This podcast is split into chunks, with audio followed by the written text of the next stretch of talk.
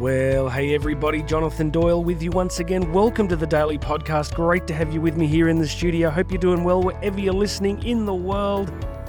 This weather is terrible. Yesterday, my son and I were out on the motorbike. Uh, we were trying to get north, and I have never experienced wind like it. We were heading uh, to this small town and literally got blown across the road into, uh, into the other lanes. It was quite extraordinary. So, uh, wherever you are in the world right now, I hope you have nice weather. I hope it's sunny. I hope it's humid and temperate. And uh, yes, indeed, I hope you're enjoying because it's been a long start to the winter here. But uh, you know, always a chance to get outdoors and do stuff. Out of the studio today, I'm going to uh, get across and do some mountain biking with my son, which will be great. I did some crazy stuff the last few days. I did, I've done back to back 100 kilometer rides uh, the last two days. And yesterday, I'm just completely wrecked myself. I know many of you go, Why do you do this? And I go, "Mm, I don't know. It's just kind of, I get up each day and I just want to do stuff. I want to just keep moving, keep moving forward, keep improving as best I can. You know, where I live, there's this old guy. He must be in his, look, I don't know, 70s, even old. Um, any people who are in their 70s who just got offended, I'm really sorry. I didn't mean old, I mean older, older than me. And uh, he is phenomenal. He, he, midwinter, I see this guy every day in his shorts. He wears shorts. Uh, he's got a beanie on, so he's got a head covering, but that's about it. And he's just running up this crazy hill. He's barely moving, like he's just shuffling up the hill. But full props to him, you know, like, you know, some of us can still do, uh, you know, really big distances and and we can train fast. But just to see this guy out there at sort of, you know, mid 70s in the freezing weather, just still banging it out. So, as I've been saying a lot in recent podcasts, it doesn't matter what you do, it just matters that you're doing something. You know, we're all going to have different levels of physical activity, but uh, I'm big on this lately. I just think we are made to move. Uh, culture and technology have allowed us a certain level of sedentary experience at the moment. It's very easy to um to stay comfortable, to stay where you are, but push yourself out. And as I pretty much say on every episode, you're not going to feel like it most of the time. The uh, the good stuff comes afterwards. And I should qualify something because lately I've been talking a lot about how the body leads the mind. When you're in a negative emotional state, often what will happen is that you you will never think your way into doing what you need to do. You'll never suddenly think about it rationally and go, yes, I really need this exercise or I want to go and do that for my health. But once you start to move, once you just make yourself move, things happen. So that's the the basis of my mantra that the body leads the mind. You need to just do the thing first, and then your mind comes on board later. But I want to actually add an interesting paradox to this because I think there's a, a certain level of reciprocity here. There's a reciprocal relationship between the body and the mind. Yes, the body leads the mind, so we often need to just act, take the action first, and then a, then our mind comes on board afterwards and tells us how brilliant we were for doing it. But we also need to realize that the um, the mind also leads the body. How is it possible? How can these two things exist at the same time in parallel intention? Well, the answer is because often when you're out training or when I'm out training and I'm doing something hard, the body's in play, right? You're doing stuff, but the mind actually has to override the experience of suffering and pain. I'm not encouraging you to go and experience suffering and pain. I'm encouraging you to speak to your healthcare professional before you do anything. But it is interesting that there's this weird um, sort of symbiosis happening where we need that catalyst. We need to get started physically. We just need to move, knowing that we won't feel like it. Like, you know, getting on the mountain bike later today is just uh, not going to be super pleasant for those first few minutes, but afterwards it'll be great. But once I'm out there going up a hard hill, the body's out in action, the body's come to the party, but then sometimes the mind then needs to step step in and push the body along and get the body to ignore or to how do I say this without getting sued? Uh, get the body to keep going when the body just wants to stop. So do you see this interesting relationship here between, you know, we need to take the action first, and then once we're out there and we want to quit, then the mind steps in and says, no, we keep going, we keep going. Because it is phenomenal what the mind can actually do how the mind can, you know, the body almost always wants to quit, right? Our body constantly wants to give in, wants wants comfort, it wants food, it wants rest. So there's this fascinating relationship. I really like it. And I was thinking before about um, Mel Robbins' book, uh, The Five Second Rule. I've spoken about it before. She talks about what psychologists and scientists refer to as activation energy. that often if you want to get out, and by the way, today's message is not about physical training I'm just sort of just just how it got started. I got some good stuff coming for you. Hang in there. But she talks about activation energy, which is often, you know, when we have to do something that we don't really want to do, whether it's physical, whether it's work related, whether it's parenting or relationships, often all we need is activation energy. We just need enough energy to get started. And once that momentum kicks in, then we get going. One way to think about it would be like a snowball on the top of a mountain, right? You think of the devastation that could cause by the time it reaches the bottom, but it doesn't need a lot of energy to get started, does it? A little roll off the top of that hill, a little tiny bit of activation energy, and then the momentum kicks in and off you go. It's a good metaphor for physical training, for changing anything in your life. Sometimes we don't take action, we get daunted because there seems so much ahead of us that we just think, how are we ever going to get there? But all we need is activation energy. We just need to start. And once you get that little bit of momentum going, awesome things happen. Now, let's get started. Uh, please subscribe. Hit that subscribe button if you haven't already done it. It is awesome. The podcast numbers are going up every single day. So I really appreciate it if you could subscribe. And um, if you could leave a review, if you just leave a review somewhere, wherever you're listening, Spotify, Apple Podcasts, Google, whatever it is, leave a review. Uh, that'd be great. And um, please check out the uh, show notes today. In the show notes, you will find how to get access to my book, Bridging the Gap, for free. You can find out how to book me to speak, and uh, you can find out how to come across to the YouTube version. I've been posting some of my training in the YouTube version, so you can actually see me stuck halfway up a hill in a freezing gale if that's uh, if that's your thing. So, friends, check out the show notes. Please make sure you subscribe. Let's jump in. Uh, this is the, I guess, around about the third in a series of listener questions that um, you know it's been great. People have I reached out a week ago and said, "Hey, tell me what you want me to cover," and I want to hit three today. I'm going to try and be brief. Uh, three separate listener questions. One is about how we deal with toxic people in the workplace. The second one was about how we deal with relationship trust issues. And the third is how we deal with the experience of guilt. So isn't that interesting? Like just humans, all these different challenges we face, but you know, I, I could say that all of us at some point have faced one of these, right? We've all had difficulties with toxic people.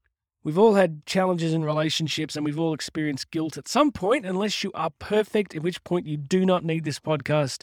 You are free to stop listening now. But for the rest of us, let's press on. Let's press on. Toxic people, couple of points. First thing we have to, you know, what are we talking about here? We're talking about the office psychopath, psychopath. We're talking about sociopaths. Um, my understanding, I think if I got this right, the difference between sociopaths and psychopaths, just in case you want to check who you're working with, uh, sociopaths, I think, have no sense of their impact upon others. So you'll often get sociopathy merging with narcissistic personality disorder.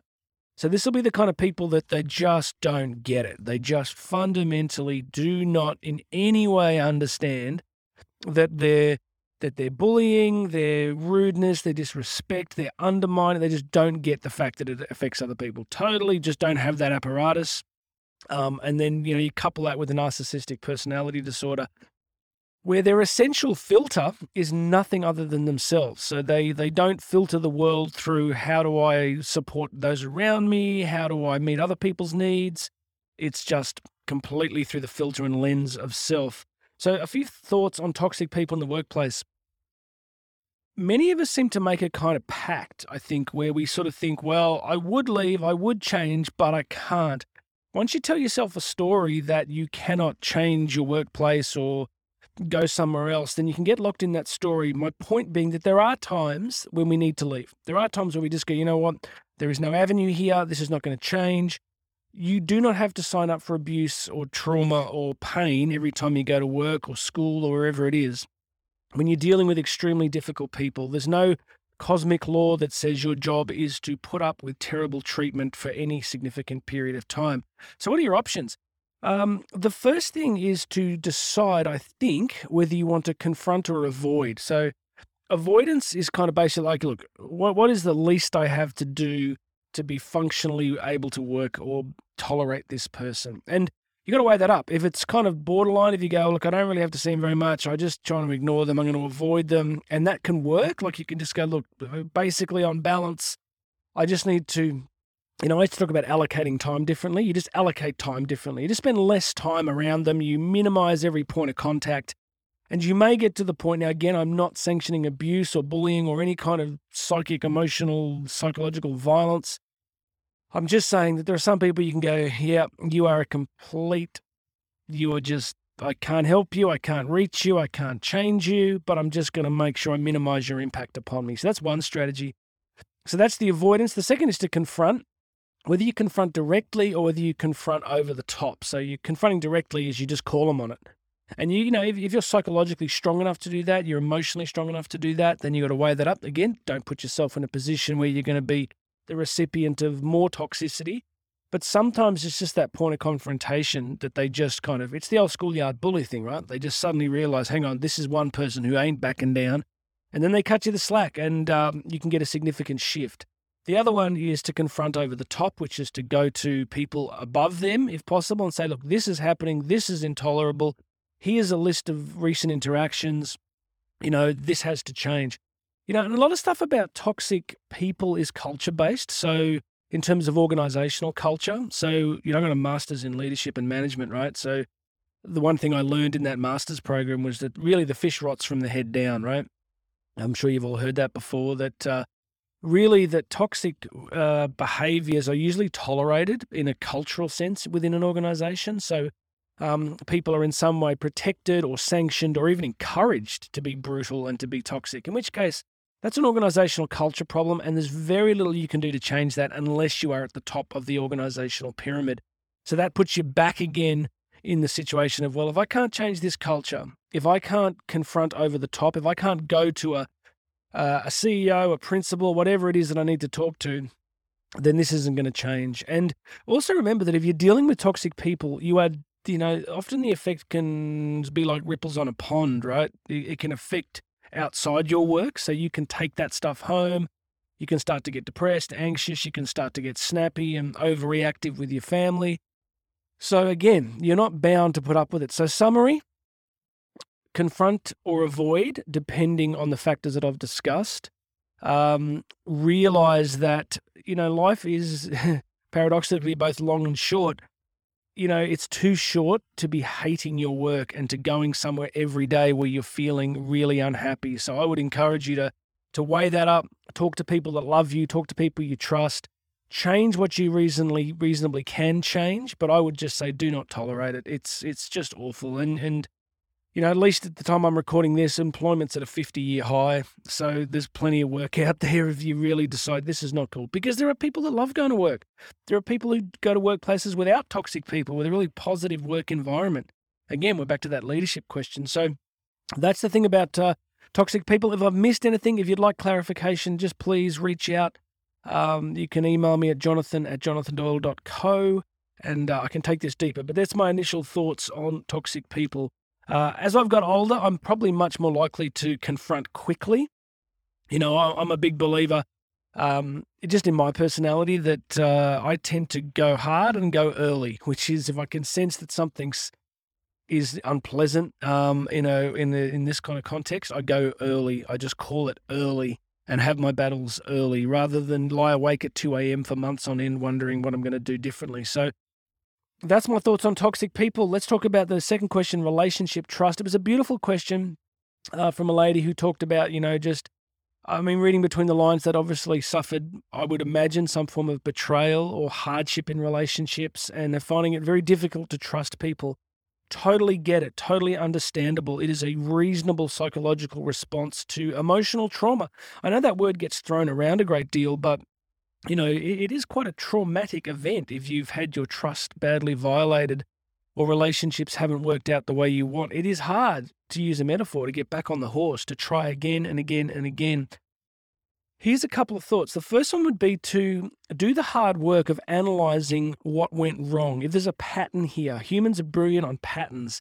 So, one of confronting things about relationship problems and difficulties is to go, okay, what, what happened here objectively?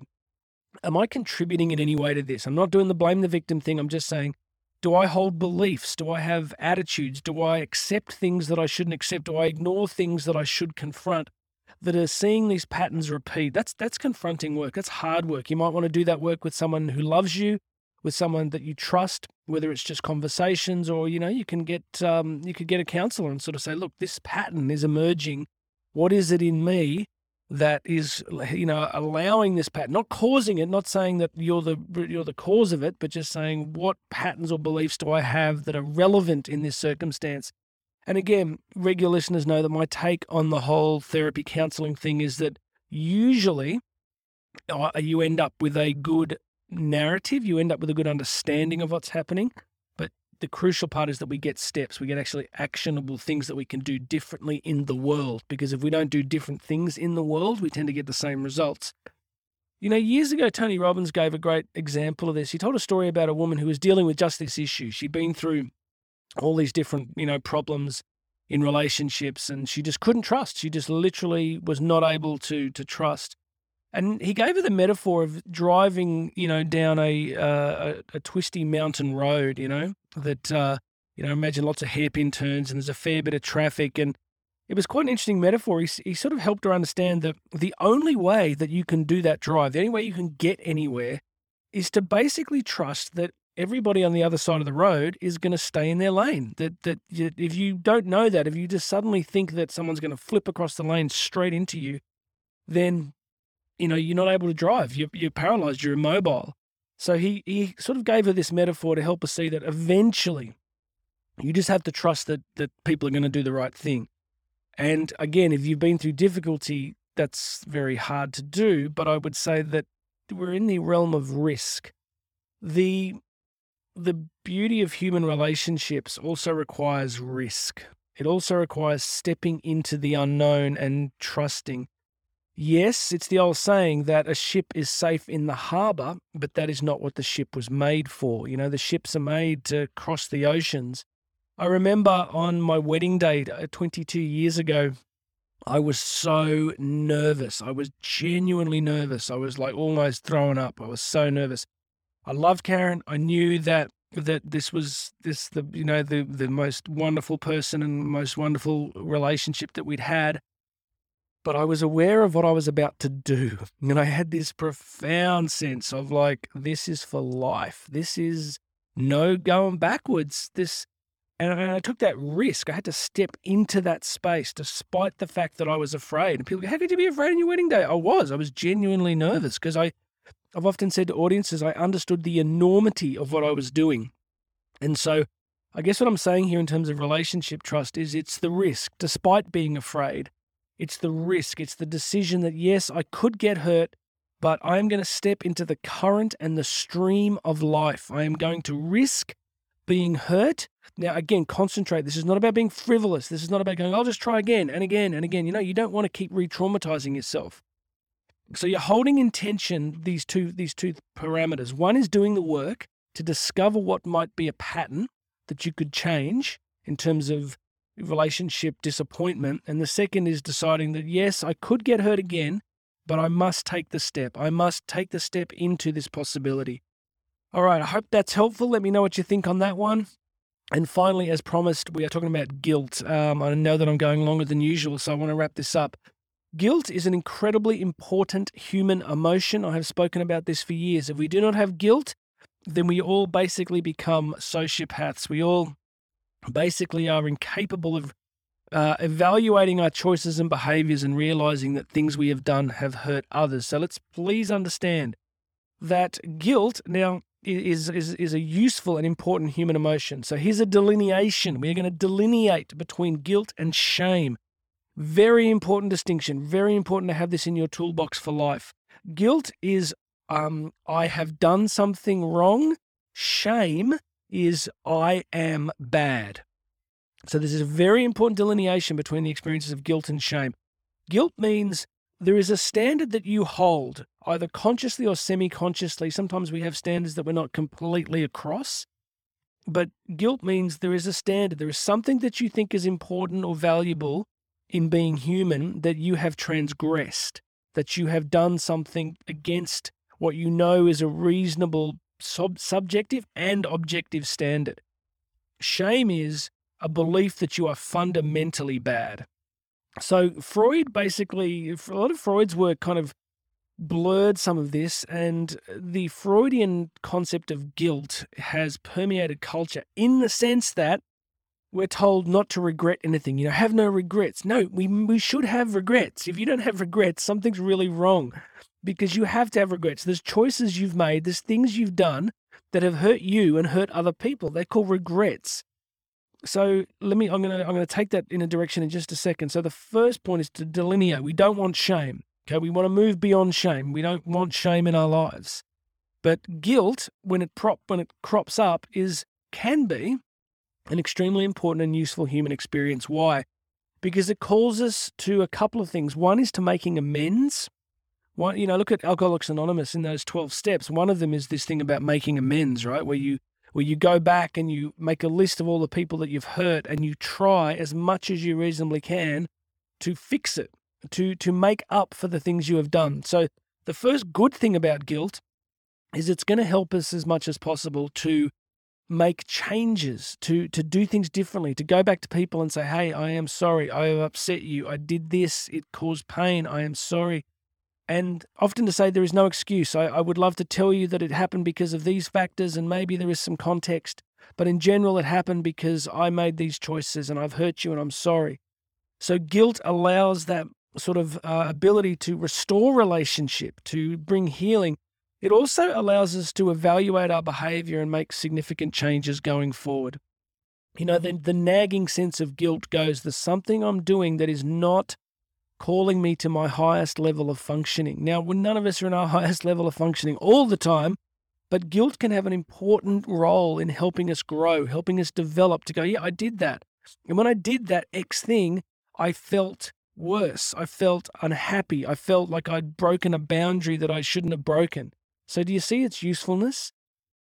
Last thing I wanted to say about guilt is there is a time to move beyond what's happened in the past. See, the problem with guilt is guilt and shame, like I said before, can masquerade, masquerade as each other. So sometimes we can hold on to guilt for so long that we never move beyond it. We just feel we can never get beyond something we've done and it's always there. I think eventually we have to accept our limited nature. We have to accept our frailties. We have to accept that we are sinners. We sin. You know, Romans, what is it? Romans 2, Romans 12, all have sinned and fallen short of the glory of God. No one, no one in this planet, um, except maybe the good Lord Himself, has ever been without sin, without guilt, without failure, without transgression. We all carry it. But there comes a season where we have to have let guilt done its work. We have we have been honest. We've evaluated who we are. And look, again, this is another thing of guilt that if you do the work of guilt, you get self knowledge. You go, look, left to yourself, you will do certain things and you get self knowledge about it. And then you look at the situations or the people that can trigger these choices and behaviors in you that you don't want in your life anymore. So you begin to make these changes. So there is a time to move beyond it because ultimately, eventually, when guilt moves into shame, it is what I call a non productive emotion. It is a non productive emotion. By non productive, I mean eventually it retards your life, it locks you out of relationship. It keeps you stuck in a place where you move towards self loathing and shame, and you never let yourself off the hook. And sometimes you can tell yourself, well, you deserve it. I deserve to feel this way because I did this X thing. But eventually, the call of the human life is to love. The call of the human life is to growth. The call of the human life is to development. And so if you don't move beyond the work of guilt eventually and to eventually self forgiveness, and you may want to seek forgiveness in a spiritual sense too, but eventually staying trapped in it doesn't allow you to love others the way that you would love you would prefer to love them. All right, I've got to stop there. So there's a lot to all of this, right? We're at 24 minute mark here, much longer than usual. But uh, I hope some of that's a blessing to you guys. We've talked about toxic people, we've talked about relationship trust, and we've talked about the experience of guilt and shame. So move beyond it, friends. Do the work of guilt. Recognize your limited human nature. You know, we are angels. We are capable of such beauty and wonder and selflessness and generosity, and then we're also capable of dumb stuff. So let's accept that about ourselves. Try and limit the dumb stuff, make amends when we do it, and then move forward. Recognize our weaknesses and then move forward. All right. Wow, that's a long one. All right, uh, please subscribe. If you've liked any of this, please subscribe. If you've got somebody in your life who's dealing with toxic people, relationship issues, or guilt, send them this. say, hey, oh, I guess that's awkward now, isn't it? Because if you send it to a friend, they'll go, why did you send me that? Do you think I have problems with guilt? Do you think I'm a relationship failure? Anyway, just send it to somebody. You never know. You never know. You never know how it's going to bless somebody. So please subscribe. Go check out all the show notes. Go and grab free access to my book, Bridging the Gap. Oh, wow. I love you guys. I uh, really appreciate the fact that you listen in. I hope you've learned something today. It's been a joy for me to do it. My name's Jonathan Doyle. This has been the Daily Podcast, and you and I are going to talk again tomorrow.